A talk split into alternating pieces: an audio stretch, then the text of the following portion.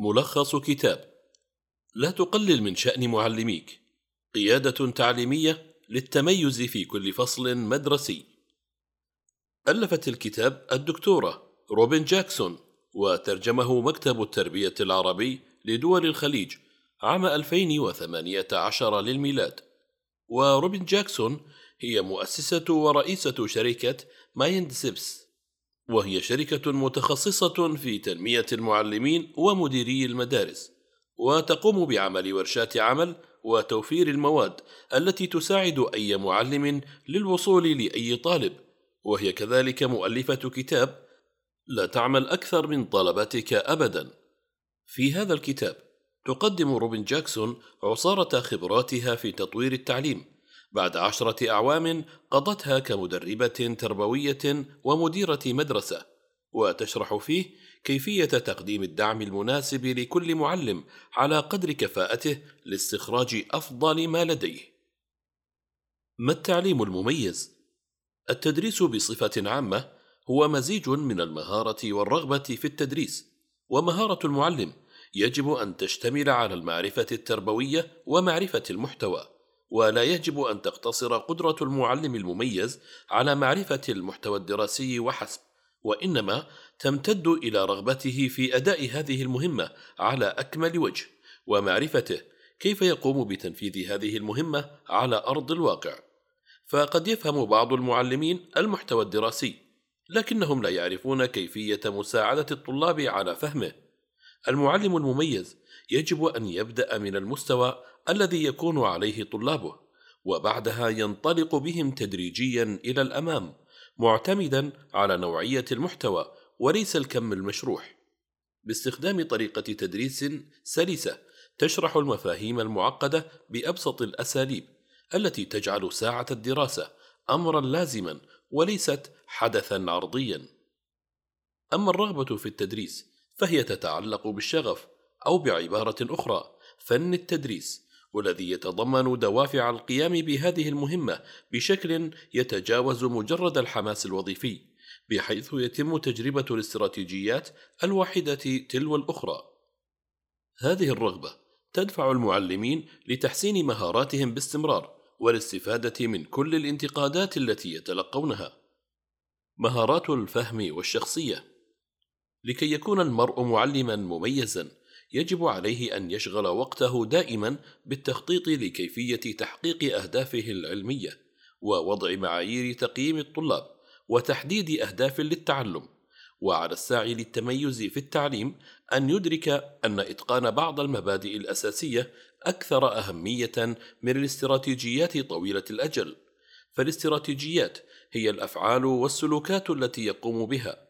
أما المبادئ فهي قواعد عامة تحدد للمعلم كيف يتصرف وكيف يدرس في الفصل وهي تنحصر في سبعة مبادئ على النحو التالي. اولا ابدأ من حيث يكون مستوى طلابك. ثانيا حدد أين يتجه طلابك. ثالثا توقع أن تنقل طلابك إلى النقطة التي سيتجهون إليها. رابعا ادعم طلابك طوال الطريق. خامسا استفد من ردود الأفعال لمساعدتك ومساعدة طلابك. سادسا يجب التركيز على النوعية وليس الكمية. سابعا لا تعمل مطلقا بجهد أكثر من طلابك. يحدد التركيز على هذه المبادئ الطريق المباشر لفكر المعلم في كيفية اتخاذ قرارات التدريس ومن شأنه أن يساعده على تحديد الطريقة المناسبة لاتخاذ أفضل القرارات بأسرع وقت ممكن. أما إذا أردت تحديد ما إذا كان المعلم الذي قررت أن تتابعه مميزا أم لا فإنك لا تستطيع القيام بهذا التشخيص ببساطة بمجرد مشاهدته بضع دقائق وهو يشرح للطلاب.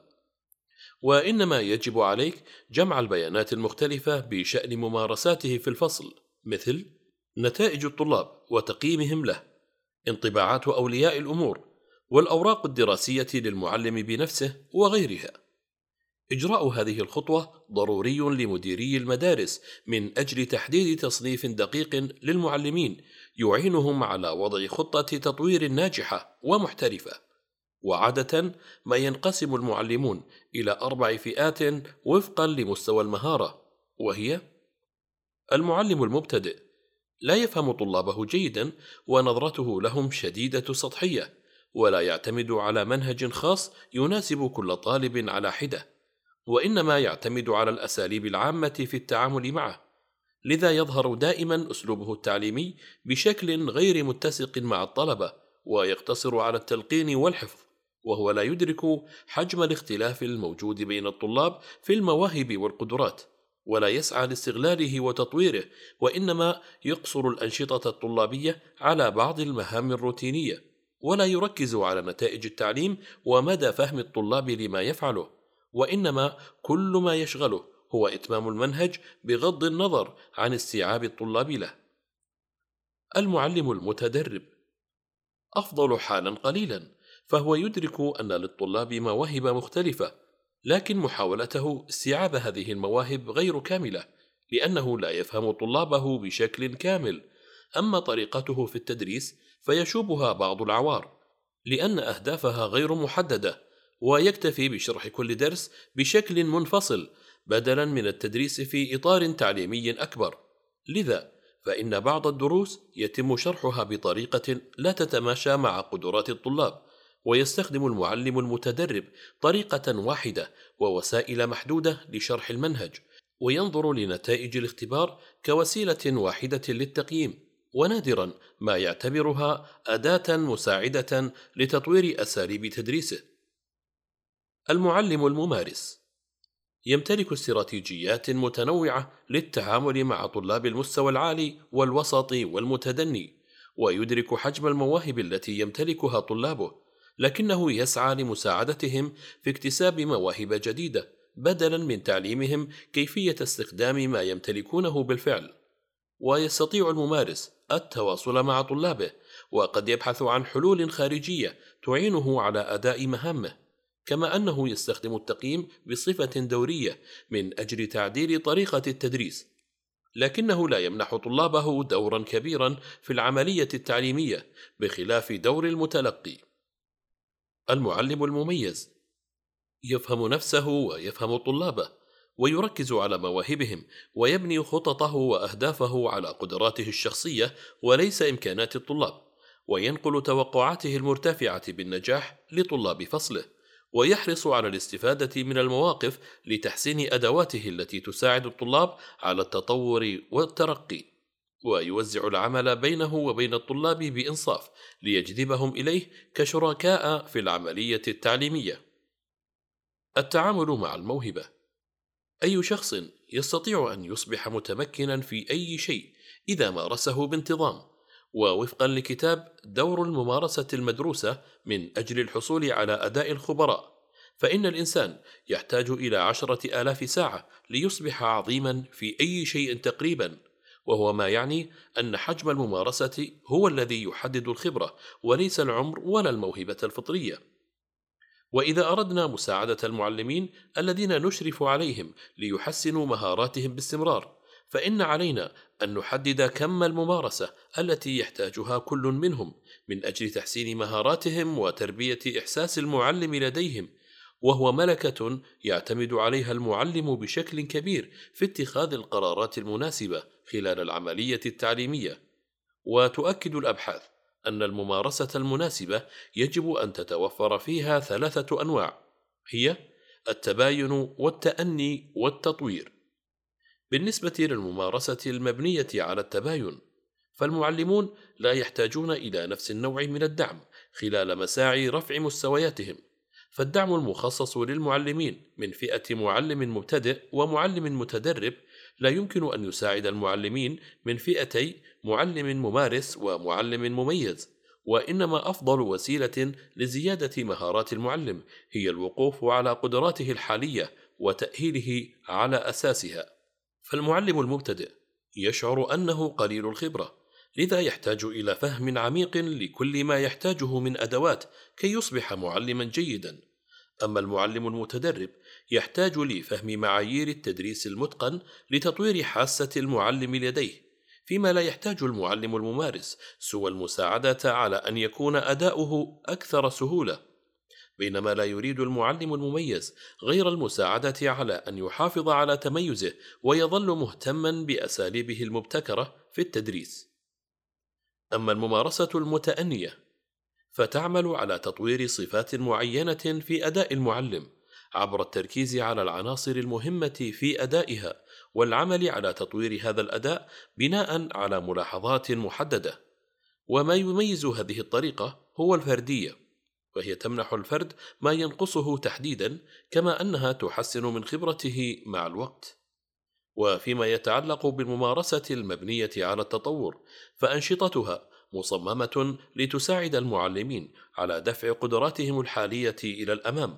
ولكن يجب الا تسعى أنشطتها لتحقيق أهداف بعيدة ومستويات صعبة فتصيب ممارسيها بالإحباط.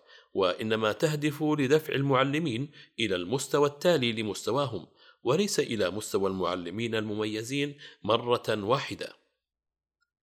وإذا أردنا استخدام المراحل الثمانية للتطوير المهني في تأهيل المعلمين وهي التقييم والإعداد والملاحظة والممارسة وردود الأفعال والتدريب والتعاون والتأمل فيجب أن نعلم أنها لا تطبق جميعا بشكل واحد على كل المستويات وإنما يحتاج كل واحد منها إلى نهج مختلف. بالنسبة للمعلمين المبتدئين فلديهم فهم محدود لما يعنيه التعليم المميز وليس لديهم خططا متقنة لمساعدة الطلاب. لذا يكونون في حاجة إلى اكتساب معلومات حول كيفية التدريس الجيد حتى يبدأ في التحسن. وحينما تبدأ في تطوير أصحاب هذه الفئة فإن هدفك ببساطة هو مساعدتهم على تحسين مهاراتهم وبدلا من غمرهم بالاستراتيجيات الكبرى ساعدهم على نيل المعرفة الأساسية التي تعينهم على أداء مهامهم. أما في التقييم فهم عادة ما يحصلون على تقييمات سيئة لذا يجب أن يكون الهدف من وراء تقييمك أن توضح لهم الفارق بين الأداء المرضي وغير المرضي وفي مرحلة الإعداد يجب مساعدتهم على تعلم مهارات جديدة وذلك عبر توفير أمثلة عملية لهم. أما منهج الملاحظة فإن أفضل وسيلة لاستخدامه معهم جعلهم يحضرون حصص معلمين آخرين مميزين حتى يلاحظوا أداءهم المختلف. ولما كان معظم المعلمين المبتدئين يميلون إلى التركيز على السلوكات السطحية يجب تحديد سلوك أو اثنين رئيسيين من النوعية التي تحدث أثرا اطلب منهم ممارستها وراقب كيفية تنفيذهم لها. ولا تكثر من ردود الأفعال بشأن ممارساتهم حتى لا تربكهم وإنما امنحهم ردود فعل تشخيصية تحدد جذور المشكلة وتقترح حلها.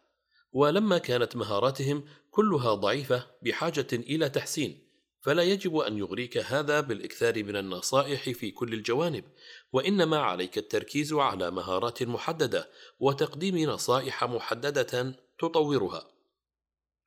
كما سيحتاج المعلمون المبتدئون إلى التعاون مع زملائهم الممارسين الذين سيساعدونهم بخبراتهم ويشرحون لهم كيفية اتخاذ القرارات الملائمة وتنفيذ سلوك تعليمي معين وفيما يخص التأمل فإنه لن يكون من الطباع التي يمتلكونها. لذا فهم بحاجة إلى فهم أهميته في التأثير في تعلم الطلاب حتى يشرعوا في تجربته.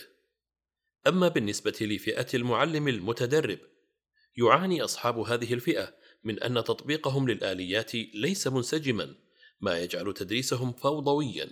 لذا فهم بحاجة إلى استخدام آليات تدريس متقنة. من ناحية التقييم يجب أن تشرح لهم الفارق بين الأداء المقبول والجيد وإذا أردت إعدادهم ليصبحوا معلمين ممارسين. اطلب منهم دراسة حالة مليئة بالتحديات وناقش معهم كيفية التعامل معها والاستراتيجية التي سيتبعونها للنجاح في التعامل معها. أما من حيث كيفية تفعيل نشاط الملاحظة فخذهم في جولة إلى الفصول الدراسية النموذجية واعرض عليهم أفلام فيديو لمعلمين متميزين ثم اطلب منهم بعدها تحديد كيفية تطبيق المعلومات الجديدة التي اكتسبوها. كما يجب على المعلمين المتدربين ممارسة القواعد بدلا من السلوكات الشخصية لأن القاعدة أكثر شمولا وتركيزا على الطلاب. وأن تظل ردود أفعالك على أدائهم في شكل توجيهي توضح لهم ما تلاحظه وكيف يمكن تحسينه. ولا تربكهم بقائمة طويلة من الملاحظات وركز على الأهم منها. وعندما تبدأ مرحلة التدريب اهتم بأن يكون الهدف منها إعطاء المعلمين المتدربين أهم المعلومات حول دراستهم واقتراحات التحسين. واحرص على ألا يكون أداؤك توجيهيا وإنما أجبرهم على المشاركة في اتخاذ القرار. ويحتاج المعلمون المتدربون إلى نوعين من التعاون أن يساهموا مع من هم أقل منهم وأخذ النصح من الأعلى منهم. لذا يمكن منحهم فرصة مشاركة بعض المعلومات مع المعلمين المبتدئين علاوة على الاجتماع بآخرين أكثر تميزا يستفيدون من خبراتهم. وفي مرحلة التأمل احرص على ألا يضيع المعلمين المتدربين منك في تفاصيل التنفيذ وادفعهم بالأسئلة إلى المشاركة والتفاعل بطرح ملاحظاتهم وأفكارهم عن التدريب ما يضمن معرفتك لمدى فهمهم للقواعد. وبالنسبة لفئة المعلم الممارس فإنهم اكتسبوا مجموعة كبيرة من المهارات والخبرات غير أنهم لم يدمجوها كما يجب في نظام تعليمهم. وهي أهم نقطة ينبغي العمل عليها لتحويلهم إلى معلمين مميزين. من ناحية التقييم، فإن الفارق بين المعلم الممارس والمعلم المميز بسيط ومهم، وهو يتجسد في الفارق بين من يعلم الطلاب بإتقان ومن يجعلهم يعتمدون على أنفسهم كي يتعلموا بإتقان. استخدم عملية التقييم لمساعدة المعلم الممارس على فهم هذا الفارق الصغير وتجاوزه سريعًا. أما في مرحلة الإعداد فاطلب من المعلمين الممارسين إجراء أبحاث إجرائية تمنحهم الفرصة لصقل مهاراتهم. ومن ناحية الملاحظة، ساعد المعلمين الممارسين على القيام بها على شكلين: الأول مراقبة أنفسهم باستمرار، والثاني هو مراقبة الآخرين. سجل كل هذا، وخض معهم نقاشا عن كيفية تحسين بعض الملاحظات. ومن جانب الممارسة، فالمعلمون الممارسون يحتاجون إلى فرص ممارسة لإتقان سلوكات التدريس المميزة، لذا لا تركز على مهارات فردية، وإنما ركز على دمج عدة مهارات معًا. وعندما تقرر أن تمنح المعلمين الممارسين ردود أفعال، فإن الخطورة عليهم لا تكمن في قلة هذه الردود، وإنما في كثرتها، حيث إنهم يحتاجون إلى ردود فعل مختصرة توضح الأداء بشكل عام. وخلال تدريب المعلمين الممارسين، ركز على مساعدتهم على تفعيل ممارساتهم الحالية بدلاً من تطوير مهارات أو خطط جديدة، حيث إن لديهم الأدوات اللازمة بالفعل، وكل ما يحتاجونه هو التدريب المستمر من أجل صقل هذه المهارات. ومن ناحية التعاون، فإن المعلمين الممارسين يحتاجون إلى الاحتكاك بمعلمين من نفس فئتهم أو من فئة المعلمين المميزين لمساعدتهم على التفكير بشكل نقدي في ممارساتهم. وبمرحلة التأمل، فإن المعلمين الممارسين يحتاجونه للوصول إلى أفضل طريقة لصقل مواهبهم، لذا استخدم أسئلة تأملية تشجعهم على مثل هذا اللون من التفكير واجعلهم يعتمدون على ذواتهم في الوصول لإجابات لكل التحديات التي قد يواجهونها. أما آخر فئة وهم المعلمون المميزون فإن أكبر تحد يواجههم هو المحافظة على إتقانهم لفترة طويلة وقد يأتي عليهم يوم يعانون فيه بسبب تميزهم. فباعتبار أنهم بلغوا مستوى عاليا من المهارة يصبحون متمسكين بأسلوبهم الذي يعتبرونه الأسلوب السليم الوحيد. عملية التقييم يمكن أن تستخدم للحفاظ على مستوى التميز لدى المعلمين المميزين من خلال تحديد النقاط التي تجعلهم متفوقين في تدريسهم. ذكرهم بالاختيارات التي اتخذوها والتي أدت إلى تميزهم وجعلت تدريسهم متقنا. وفي مرحلة الإعداد اصنع للمعلمين المميزين فرصا للمشاركة في أنشطة تتعلق بحل الأزمات. وقدم لهم مشاكل واقعية واجهها بعض المعلمين الآخرين مع الطلاب. وكلما كانت المشكلة أكثر تعقيدا كان ذلك أفضل بالنسبة لهم. أما عن الملاحظة فتعتبر زيارات المعلمين لبعضهم عملية متبادلة يكون فيها المعلم المميز تحت الملاحظة.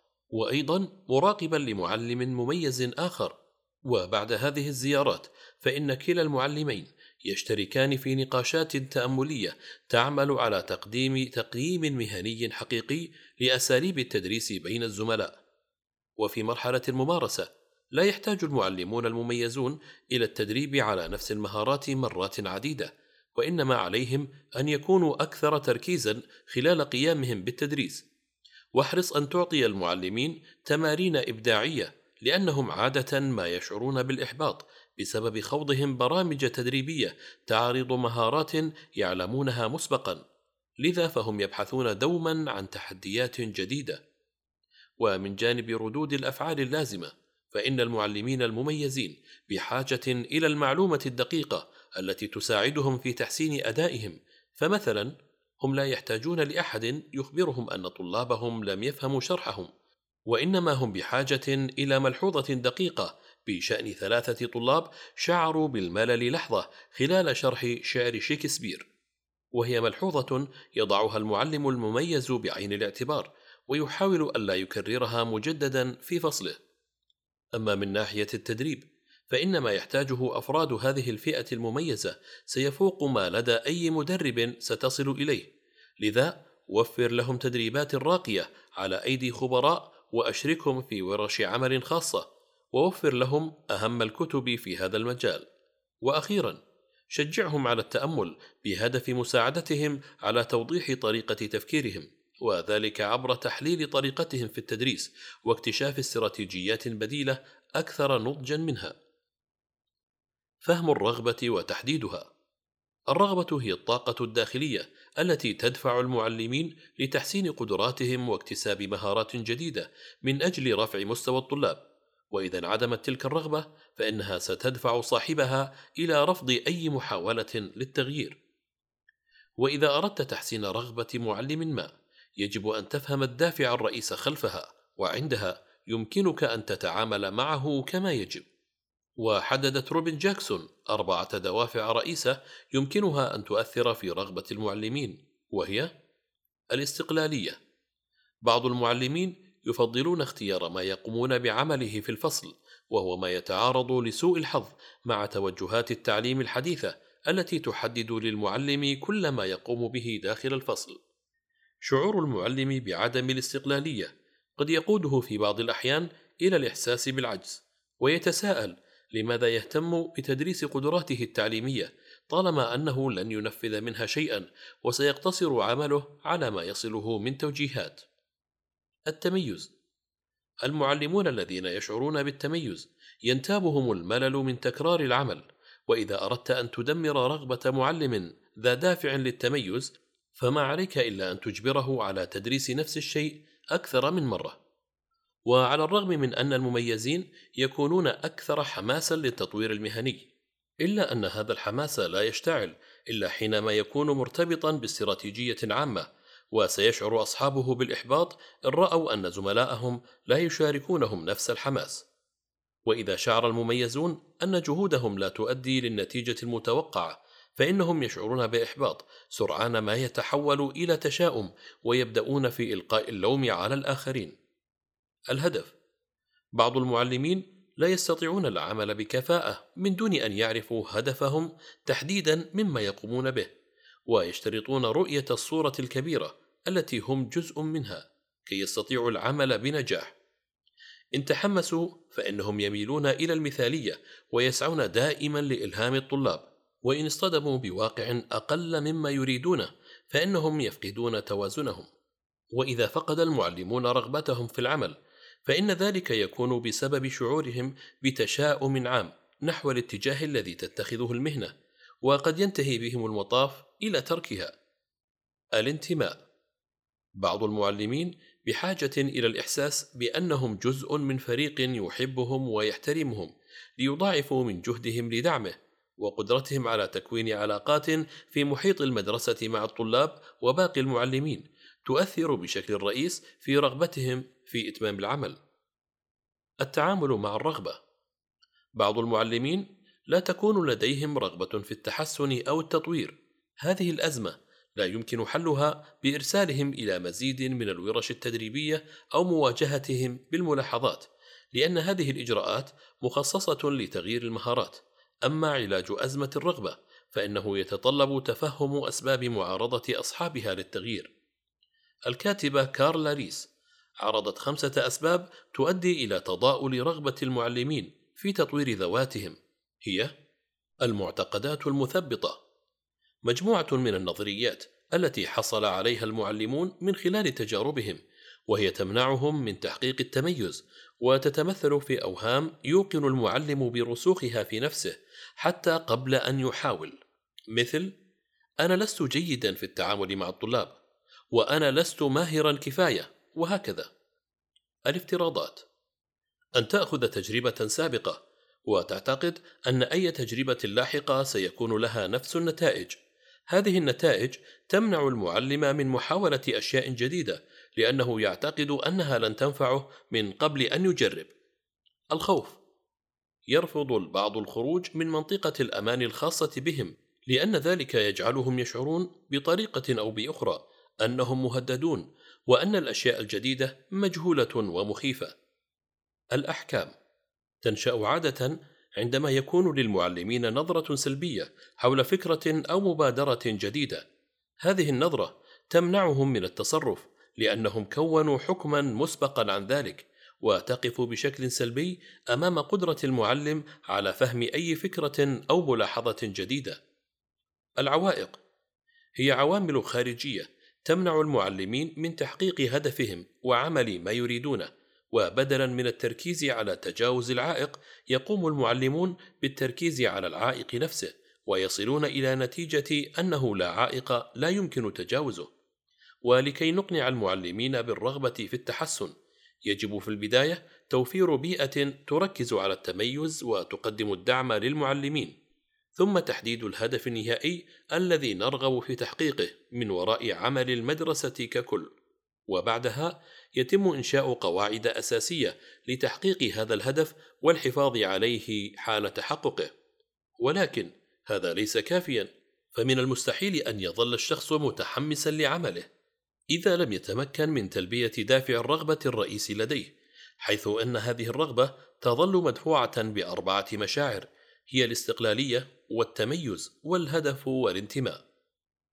يتمنى المعلمون ذوو النزعة الاستقلالية أن يكون لهم الحق في الحصول على الخيارات في عملية التدريس، وهي عملية صعبة طالما أن المنهج وطريقة شرحه محددة سلفا، لكن يمكن معالجة هذا الأمر بالسماح لهم باستخدام طريقتهم الخاصة في إدارة أعمالهم، وتكوين الفريق الذي يرغبون في التعاون معه، وكذلك تحديد أوقات التنفيذ المطلوبة مع تحميلهم مسؤولية النتائج وكلما نال المعلمون من هذه الفئة اختيارات أكثر كانوا أكثر سعادة.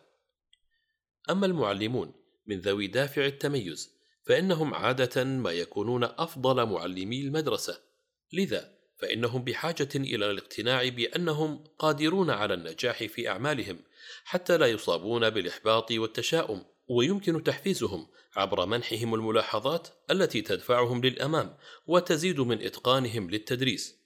ثم إدخالهم في عدد من التحديات التي ترفع الملل عن عاتقهم وتكسب طريقة عملهم نوعا من التجديد كطلب تجريب أسلوب تدريس جديد أو تعلم مهارة جديدة. فيما يريد المعلمون ذو دافع الهدف أن يشعروا أن بإمكانهم إدماج قيمهم الأساسية في عملهم اليومي، وإن أقنعتهم أن عملهم شديد الأهمية سيتمتعون بالطاقة والتركيز اللازمين. أفراد هذه الفئة من المعلمين بحاجة للاقتناع بأن ما يطلب منهم أن يعلموه ذي أهمية، وهو تحديدا ما يجب التركيز عليه معهم عبر إقناعهم أن عملهم هو جزء من صورة أكبر تحقق أهدافا حيوية تسعى المدرسة لتحقيقها. واحرص على إشراكهم في الجلسات التمهيدية لإعداد خطط عمل المدرسة، واشرح لهم بوضوح التوقعات من وراء هذا العمل مع طمأنتهم على أنهم سيكونون قادرين على تطوير هذه الأهداف عند الحاجة، ما يزيد من إحساسهم بأنهم يشاركون في عمل مهم. ويحتاج المعلمون ذوي دافع الانتماء لمعرفة كم هم مهمون للآخرين وأهم ما لديهم هو إقامة علاقات مع من حولهم وإذا شعروا بفقدان الرابط مع زملائهم وطلابهم فإنهم يفقدون الحافز سريعا. لذا تواصل معهم وامدح أفعالهم الحسنة ورتب لهم فرصة تعاون مع الآخرين واسمح لهم بمشاركة متزايدة في أعمال المدرسة. وأشعرهم دوما بأهمية مساهماتهم وأنك تقدر دوما ما يقومون به حتى تضعهم في وضع يحفزهم ويخرج أفضل ما لديهم. وضع كل النقاط سوية. قدمت روبن جاكسون نصائح عدة للمديرين مثل ضرورة إدراك التفاوت بين أفراد الفريق فليس منطقيا أن تطالب المعلم المميز بنفس جودة المبتدئ وكذلك إدراك أن التدريس المتقن أهم من إتقان المعلومات لذا فمن الطبيعي ألا نستهدف صناعة معلمين يلتزمون بكل حرف في النظام. وإنما صناعة معلمين يستطيعون اتخاذ القرارات الصحيحة بأنفسهم أيضا يجب العمل على تنمية الثقة في نفوس المعلمين وفرض الانضباط الإداري على الجميع مع منح مهلة كافية قبل تقييم أي نتائج فإن أشد أعداء التطوير التسرع وعدم الصبر. خاتمة على مدار صفحات هذا الكتاب وصلت روبن جاكسون إلى أنه لا يوجد عذر للفشل فكل معلم يستطيع أن يصبح مميزا وأن دور المدير يكمن في تهيئة البيئة أمام المعلم كي يبدع عبر إزالة الحواجز التي تعوق عمله ومساعدته على تطوير مهاراته. تضمن الكتاب سبعة فصول، قدمت روبن جاكسون خلالها خطة متكاملة الأركان لتطوير أداء المعلم، خطة قائمة على الفهم الدقيق لشخصية كل معلم، وتوفير الأساليب اللازمة للتعامل مع كل فئة على حدة للنهوض بإمكاناته وتطوير رغبته في التحسن. ولم تكتفي جاكسون بالنصائح النظرية وإنما ربطتها بسبع أدوات عملية. الأداة الأولى هي التشخيص لتحديد مستوى مهارات المعلم والأداة الثانية هي التشخيص لتحديد دافع الإرادة الأساسي للمعلم. والأداة الثالثة تشخيص لتحديد دافع الإرادة الأساسي الخاص بك. والأداة الرابعة نموذج لخطة تطوير مستهدف. والأداة الخامسة استراتيجيات تتبع تطوير الموهبة. والأداة السادسة استراتيجيات لإدارة الوقت. والأداة السابعة استراتيجيات لتشجيع التعاون.